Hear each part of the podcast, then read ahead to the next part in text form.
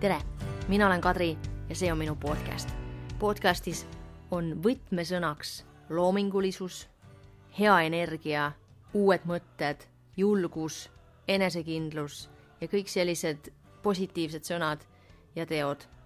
ja mul on plaanis intervjueerida erineva valdkonna inimesi erinevate huvidega ja loodan, et äh, ka teie saate nende vestlustest, intervjuudest midagi ka endale. igalt inimeselt võime me kõik midagi õppida ja omaks võtta, nii et ma olen ise väga elevil ja ma loodan, et äh, samuti ka sina. kui sul on endal mingeid ettepanekuid, mis suunas see podcast võiks liikuda või mitte liikuda, siis anna mulle teada. praegu ma ütlen, et äh, head kuulamist ja tore, et oled leidnud selle podcasti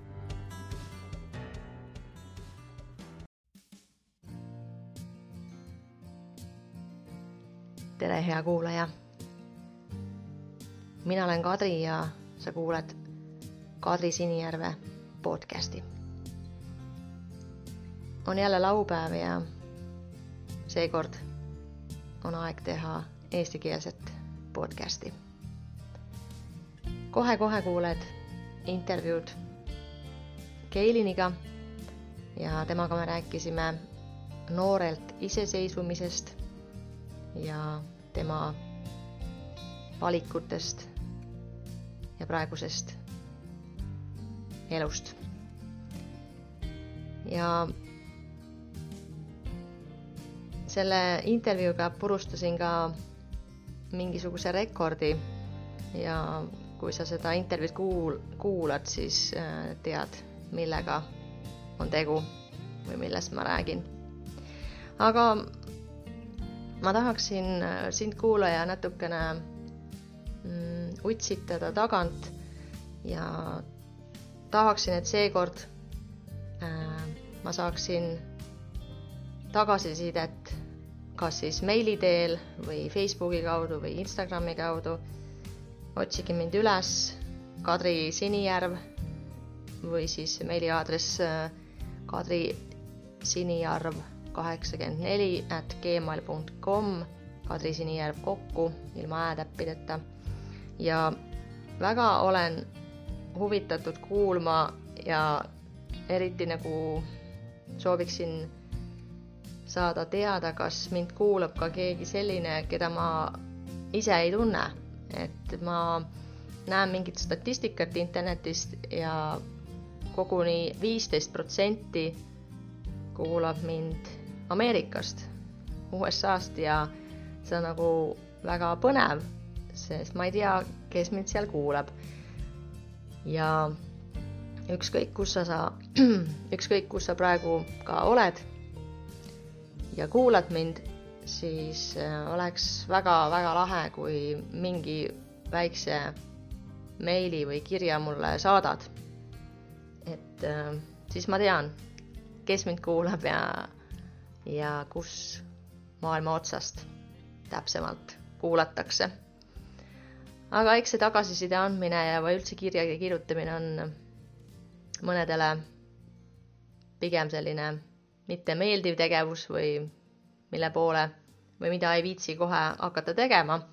aga see selline mm,, see oleks selline väljakutse minu poolt sinule tänasel päeval. nii Lähme kuulame intervjuud ja aitäh, et oled minuga, aitäh, et kuulad ja mul on väga hea meel, et ma olen suutnud erineva valdkonna inimesi kokku kutsuda siia podcasti. ja loodan ja usun, et äh, neid inimesi jätkub ka mitmeteks äh, nädalateks või kuudeks, aastateks. aitäh, et oled seal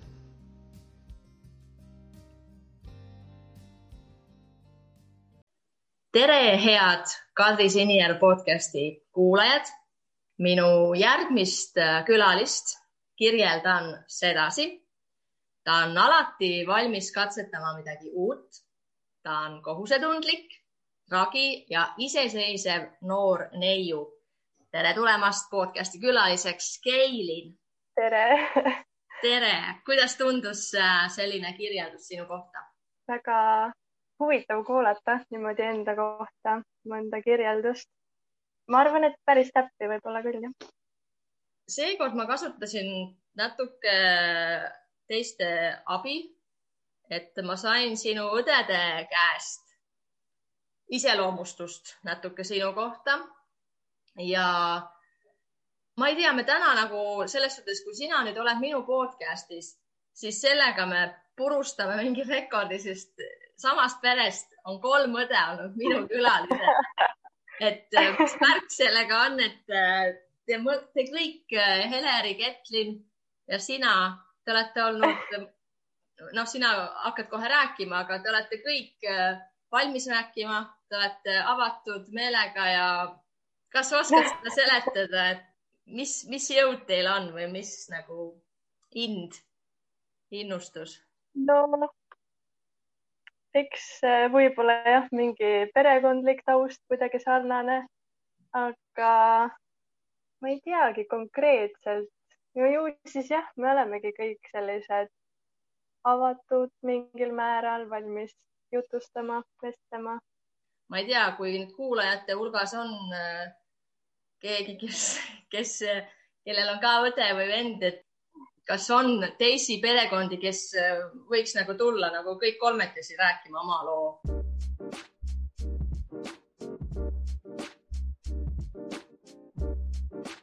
mul on äh, alati külalisele kolm küsimust, sellised alguses sellised pingest vabaks küsimused, et äh, siis lähme teemasse. Äh, oled sa valmis ja ma olen valmis. nii, ma kirjeldasin sind äh, küll tost siin alguses, aga kuidas sa ise ennast kirjeldaksid kolme sõnaga mm,? ma mõtlesin nende sõnade peale ja ennast on muidugi raskem kirjeldada, et äh, kuidagi ainult läbi isikliku kogemuse, et kõrvaltvaatajana on võib-olla lihtsam, et äh, nagu sina läbi minu õdede kommentaaride alguses kirjeldasid. aga mina ütleksin enda kohta sellised sõnad nagu empaatiline mm, -hmm. siis ma mhm. ütleksin avatud meelega. see on küll kuigi kaks sõna, aga no põhimõtteliselt annab ühe mõtte edasi mm. -hmm. ja siis äh, ütleksin ka uudishimulik mm.. aga kas sa oled alati olnud uudishimulik, empaatiline juba lapsest mm. peale? Uudishimulik olin ma kindlasti. no ma kuulasin ka oma õe podcast'i, äh, kus siis Ketin rääkis ja see oligi rohkem sellele uudishimule pühendatud mm. -hmm. et äh, ma ei tea, võib-olla see on tõesti siis juba kodust kaasa antud või ma ei tea, mis meis on, aga tõesti kuidagi tahaks äh, maailma asjadest tohutult teada, igasuguseid mm -hmm. detaile, see tundub põnev kuidagi. aga ma arvan, et see empaatia ja avatud meel on kuidagi nagu mm, kasvanud rohkem külge või nagu, et ajaga tekkinud või kuidagi selline mm,.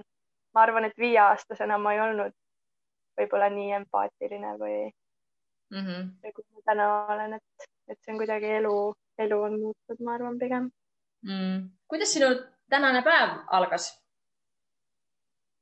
Minu tänane päev ähm,. mul põhimõtteliselt on selline vaheaeg, et äh, kool sai läbi ja siis ma pigem olengi niisama puhanud, lugelenud ja seonduvalt sellega minu tänane päev hakkas ka väga hilise ärkamisega ja niisama mingisuguse sarja vaatamisega ja selline hästi rahulikult. mis, mis sinu jaoks on hiline ärkamine, mis kell? no selline üks-kaks päeval, et äh, üks? tundub selline mõnus aeg, kus ärgata päris hea päris hea, ma ei ole kunagi nii kaua maganud. aga sa läksid hilja magama ka? jah, ma pigem ma olen jah, selles mõttes õhtuinimene või kuidagi isegi ööinimene. see minu funktsioneerimine hakkabki kuskil õhtul mingi kaheksa-üheksa ajal ja siis lähen hiljem magama ja siis seetõttu ka ärkan hiljem mm.. kolmas küsimus sellest esimesest osast oleks, et mis sind innustab praegusel hetkel kõige rohkem? ma ei oska midagi niimoodi ühte konkreetset asja võib-olla tuua mm,. aga ma ütleks lihtsalt, et äh, tahaks kogu aeg kuskile pürgida elus ja ise nagu paremaks äh, nii erialaselt ehk siis arstiõpingutega saada kui ka inimesena äh, kuidagi ennast arendada. Ja, ja see arendamise soov siis innustabki mind.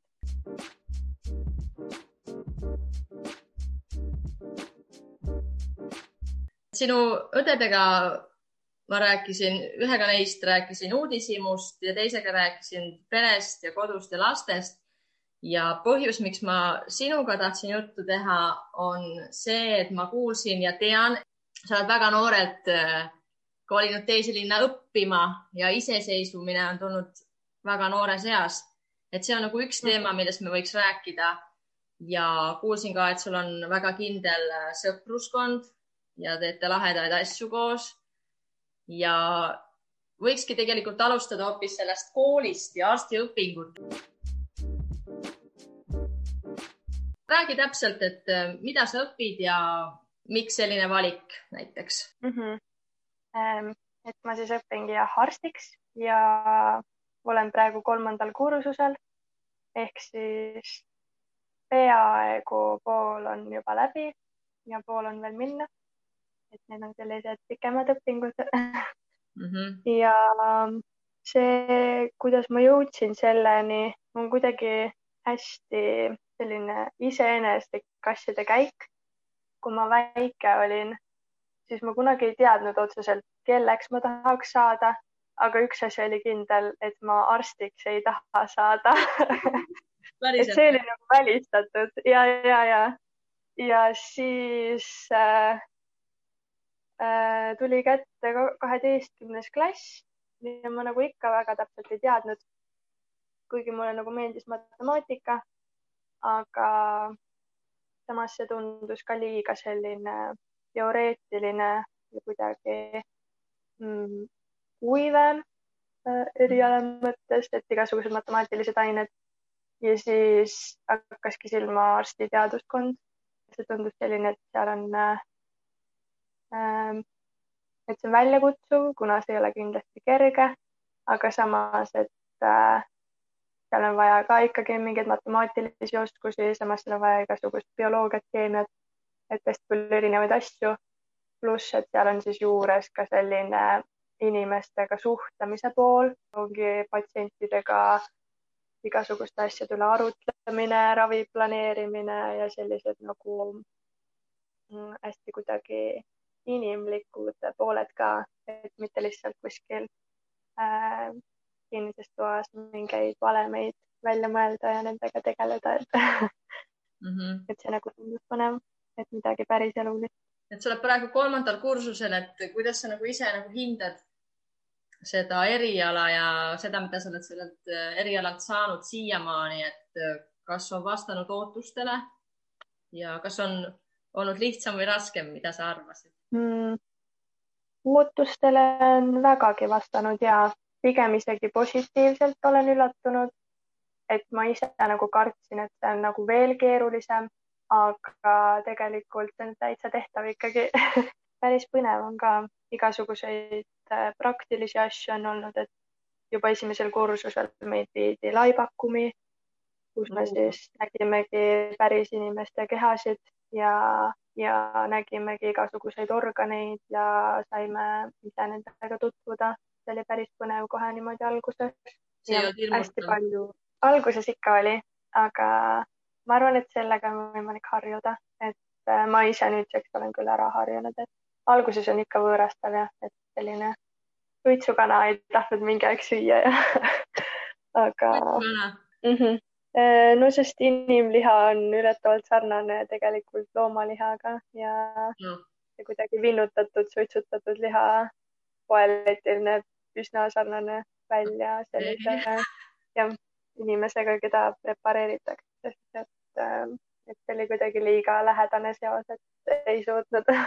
aga magada oled saanud ilusti peale selliseid tunde või kogemust? ja, ma arvan ja, jah mm. -hmm. ma kuidagi nagu suudan jätta need mälupildid sinna ruumi ühte paika, et, et jah, selles mõttes, et ei too koju kaasa mingeid mm -hmm. mõtteid või mingeid unenägusid, et. aga arstiteaduskond ja arstiks õppimine, noh, ma, ma arvan, et ma julgen väita, et see ei ole nagu lihtsa, kõige lihtsam variant, mida õppida. Võib-olla üks raskemaid, et kui palju teie kursusel on see jõudnud sinna kolmandani, kolmanda kursuseni, et kui palju on nagu pooleli jätnud? hästi paljud äh, jah, tõesti, kas ise lähevad juba alguses ära et kuna seal suht ruttu esimeste nädalatega juba äh, esimesel kursusel tuleb äh, seda õppimist üsna palju, siis on nagu üsna kiirelt äh, äh, tudengitele see üldpilt selge, et tegu on erialaga, kus peab kogu aeg pidevalt õppima ähm,. ja samas, kuna see on ka ikkagi pigem raske, siis on jah ka neid, kes äh, kukuvadki välja ei saagi eksameid tehtud.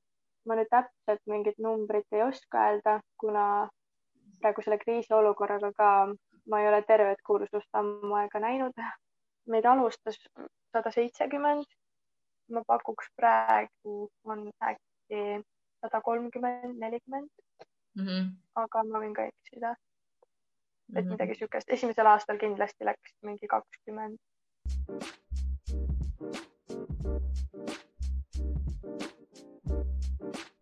sa ütlesid, et see on nagu hästi-hästi palju on vaja õppida ja nii ja siis ma tean, et sul on nagu ikkagi ka hobisid ja sõpradega kokkusaamist, et kuidas sa siis ise nagu oskad seda enda aega planeerida ja kas sa nagu iga vaba hetk lähebki õppimisele või koolis käimisele või kooli asjadele või on sul nagu piisavalt vaba aega enda arust mm.? ma arvan, et minu jaoks on jah, piisavalt või kuidagi, et äh, mm, tegelikult ma käin tööl ka veel ehk et äh, see võtab ka oma aja, ikka väga suure aja, aga ma arvan, seda vaba aega tuleb lihtsalt leida enda jaoks ja tegelikult äh, jah, sellise läbi planeerimise on nagu võimalik äh,, võimalik igasuguseid asju teha. sellele aitab kaasa kindlasti enda tundmine, et tundagi ära, mm, millal näiteks ma olen suuteline õppima, mitte hakata väsinud peaga õppima ja üritada kolm tundi, kui sellest ei ole mingit kasu, vaid näiteks õppidagi värske peaga, siis kui on tuju õppida, et see oleks nagu hästi efektiivne ja hästi vähe aega võtta võimalikult, pigem jah, mitte mm, nii palju logeleda ja mingeid selliseid asju teha, mis, mis nagu kulutavad aega, aga samas nagu, äh, samas nagu nii palju võib-olla emotsionaalselt juurde ei anna, siis mulle pigem meeldib lugelemise asemel äh, sõpradega midagi teha ehk et jah, või nagu ma ise olen ka pigem niisugune aktiivne inimene, et ongi, kas käin koolis, käin tööl, teen sõpradega midagi, kodus niimoodi olen vähe mm. -hmm. kuigi nüüd jah, viimasel aastal rohkem, aga. Ja sa mainisid, et sa käid äh, õpingute kõrvalt ka tööl. et kas äh, sinu jaoks või noh, kuidas sa, kui sa vaatad teisi kursuslasi, et kas, kas ka teised käivad tööl, on see nagu tavaline, et kas jõua, jõutakse käia tööl nagu ka arstiõpingute kõrvalt või on see nagu paratamatus, et peab raha teenima ja minema? tegelikult enamus ikkagi ei käi tööl, vähesed käivad, aga enda tutvusringkonnast ma tean küll inimesi ka, kes käivad ja, ja siis see on nagu kuidagi võib-olla ka lihtsam või äh, et ma ei ole ainukene, aga üldiselt muidu üldarusaam on jah see, et arstiõpingute kõrvalt pigem ei jõua tööl käia aga tegelikult, kui tahta, siis jõuab ikka küll, et. sa käid erialasel tööl või mis, mis tööd sa teed? ma muidu olin ettekandja, aga nüüd just detsembrikuus läksin ma haiglasse tööle. see on nüüd erialasem töö äh, meditsiinilisem ja jah, et läksingi hooldajaks sinna Covidi osakonda siis appi mm.. ja kuidas see on sulle mõjunud või kuidas sa oled ennast seal tundnud mm,? see on kindlasti raske, kuna seal on need kostüümid ja mida peab kandma ja see ei ole väga lihtne. ja lisaks ka see, et äh, ikkagi seal on tegu haigetega ja voodihaigetega, selles mõttes nagu hoopis teistsugune teenindus on nagu pigem selline lõbus töö, aga see on nagu pigem jah, raskem. aga samas see on ka tohutult põnev, sest äh, nüüd ma näengi seda haiglaelu seestpoolt ja, ja kuidas seal asjad toimivad, et, äh, et pigem on nagu selles mõttes positiivne emotsioon. kui suure koormusega sa siis praegu tööl käid mm,? praegu, kuna nüüd tegelikult äh, põhimõtteliselt on selline paus koolis. Ähm, juhtus niimoodi, et see semester eksameid ei olegi ja siis on selline poolest detsembrist kuni veebruari keskpaigani on nagu täiesti tühi kooli mõttes, siis äh, ma nüüd läksin kolmveerand kohaga tööle. saab rohkem raha teenida ja, ja, aga muidu kooli kõrvalt siis ma käisin umbes null koma viie kohaga ehk siis poole koormusega et sa oled seal Covidi osakonnas, et kas äh, iga päev on teistsugune, erinev, uus või kordub see sama, sama kogu aeg? seal on mõlemat mm,. Iga päev on midagi erinevat ja patsiendid muutuvad, vahetuvad, samas need patsiendid vahetuvad ikkagi suht harva, et näiteks kui mitu päeva järjest tööl käia siis äh, järgmisel päeval on juba teada küll, et aa, et seal on see patsient ja tema juba saab iseendaga hästi hakkama ja seal on tema ja temal on vaja söö, söö, süüa aidata näiteks.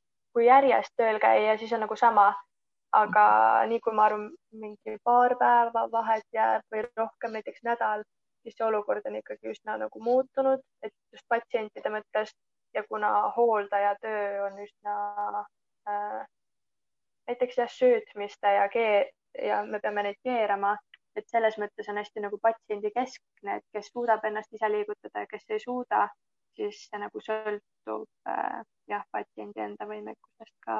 aga sa pead tööl nagu suht nagu või noh, vägagi iseseisvalt kõiki asju tegema või on sul keegi kogu aeg selja taga aitamas sind või, või kuidas sa oled täitsa nagu tööline seal? ma olen täitsa tööline jah, kuna seal oli, oli ka suht hädasti neid töötajaid vaja, siis äh, võetigi suht palju neid uusi. selles mõttes seal keegi väga nüüd järele ei käi enam. aga samas seal kogu aeg on neid töötajaid üsna palju, et ongi meid hooldajaid, kes me teeme nagu sama eesmärgiga tööalaseid ülesandeid. meid on tavaliselt kolm-neli tükki tööl ja siis on veel ka õed, kellel on küll enda ülesanded, aga, aga selles mõttes inimesi on nagu ümber üsna palju, et ongi viis-kuus tükki korraga läheduses, et kellelt kas nõu küsida, kui on vaja, et, et selles mõttes nagu päris üksi ei pea midagi tegema, aga üsnagi palju siiski tuleb äh, ise ka tegutseda.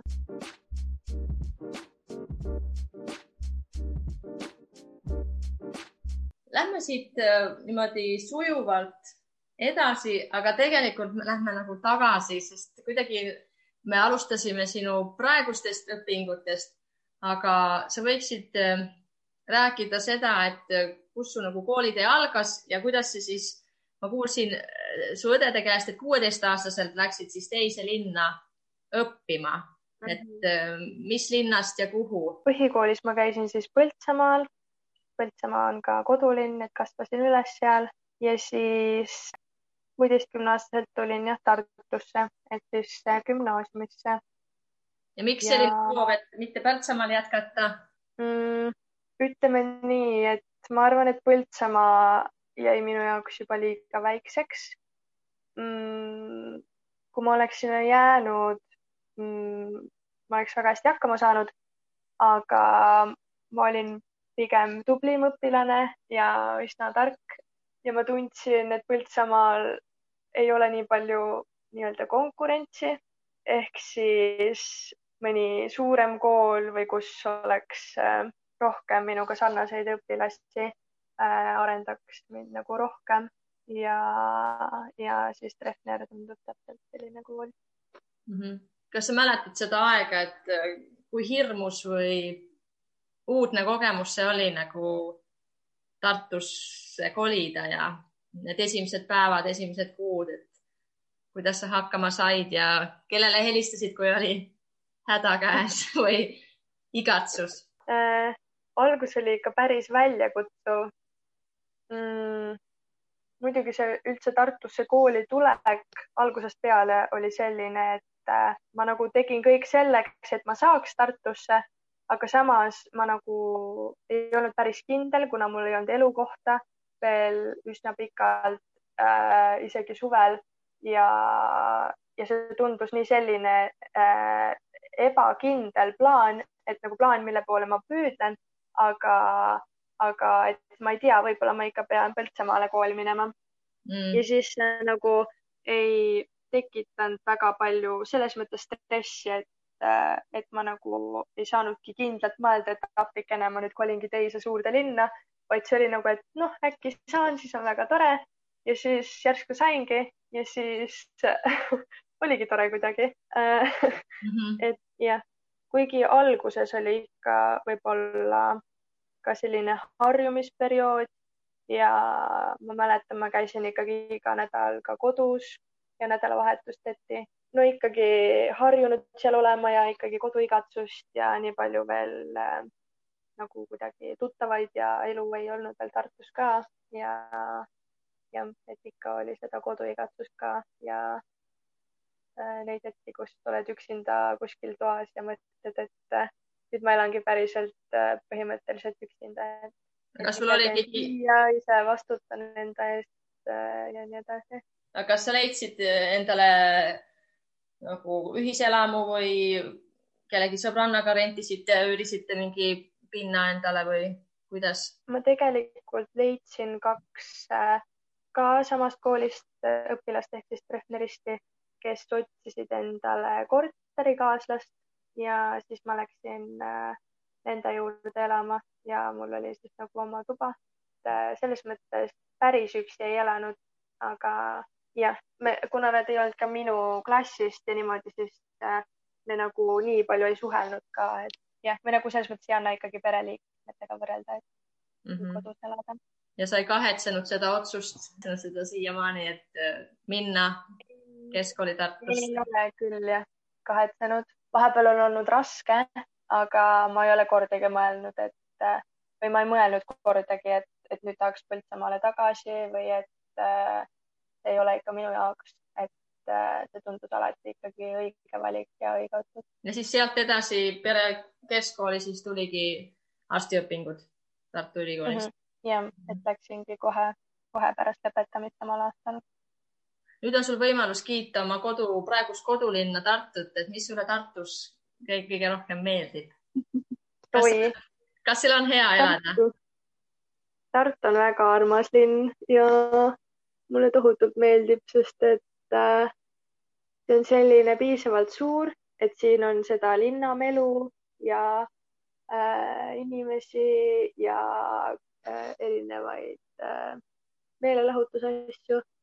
Aga samas see on ka piisavalt pisike ja armas võrreldes Tallinnaga, et siin ikkagi no kui kuskil mitte päris linna ääres elada, siis viieteist minutiga jõuab üsna igale poole ja kõik on nii lähedal ja käe ja jala juures ja inimesed tunduvad ka üsna rahulikud siin olevat. et äh, see mulle ka meeldib ja hästi sõbralikud. mis su lemmik äh, söögikoht või kohvik seal Tartus on? Mulle meeldib igasuguseid erinevaid äh, katsetada, aga praegu ma ütleks, et kolm pilli näiteks mm. -hmm. kuna ma ise elan ka siin lähedal, siis see on nii mugav koht.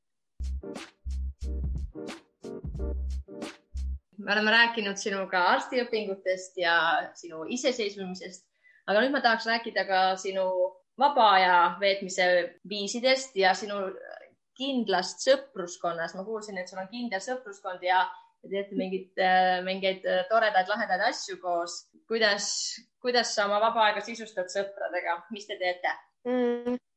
see kindel sõpruskond, ma arvan, on mu mingi õe väljend on et, et tegelikult tuttavaid on päris mitmeid. ütleks, suhtlen isegi üsna erinevate inimestega, et kes on kursusekaaslased, kes on äh, kuskilt äh, mujalt äh, töökaaslased, kes on kuskilt lihtsalt tekkinud Tartus elades, mingid sõbrad-tuttavad, mitmeid ja ma olen ka ajas muutunud. aga mis meile teha meeldib mm,?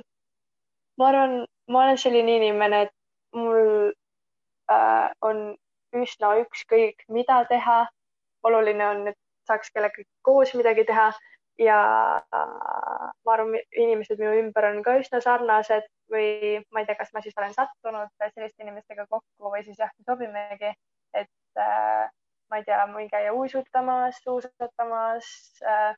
täna käisime tuubitamas äh, sõpradega ja igasuguseid asju või jah, kuskil õhtuti väljas käia, kui veel koroonat ei olnud.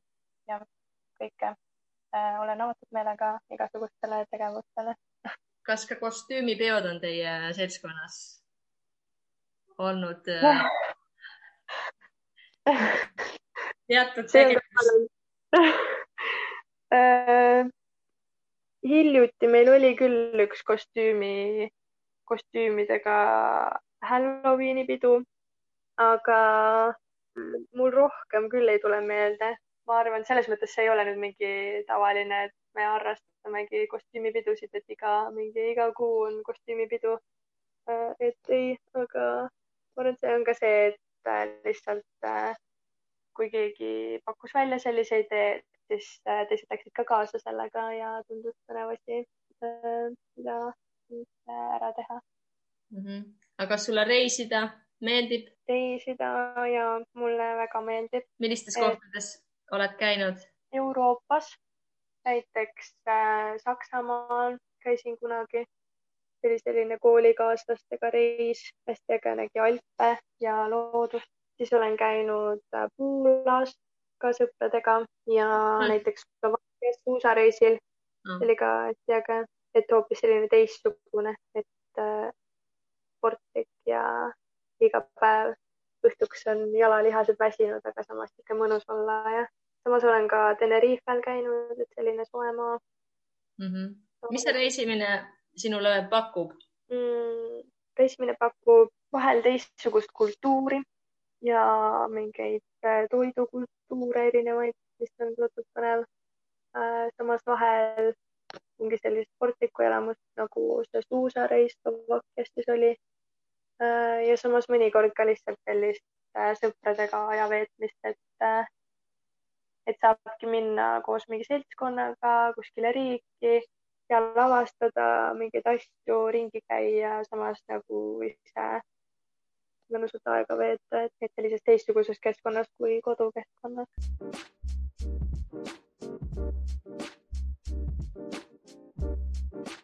nii, me oleme jõudnud suhteliselt lõpuossa rääkisime siin nüüd just hetk tagasi reisimisest ja rääkisid, et oled Euroopas äh, reisinud. aga Soomet sa ei maininud, aga mul siin lõpus on alati selline Soome kohta küsimus, et, äh, et kas, kas sul on olnud mingi kogemus äh, Soome reisimisest või siis, et kas mingi, mingi lahe sõna või väljend, mis sulle soome keeles meeldib, et mida tahaksid kuulajatega jagada? kogemustest ma täpselt ei mäleta, aga ma arvan, mingi paar-kolm korda olen ikka käinud Soomes ja pigem ongi siis jah, sellised äh, perekondlikumad äh, ettevõtmised, et kas tädi on kaasa kutsunud äh, või õdedega oleme käinud ja sinul külas näiteks käinud et sellised käigud. mis mulje sulle Soomest on jäänud, soomlastest või Soomest? positiivne ma nüüd väga palju otseselt soomlastega suhelnud ei ole, et selles osas ma ei oska midagi öelda. äh,. kuna pigem need reisid ongi olnud sellised iseavastamised ja mm., ja oma tuttavate keskel, et, äh, et võõrastega väga ei ole suhelnud.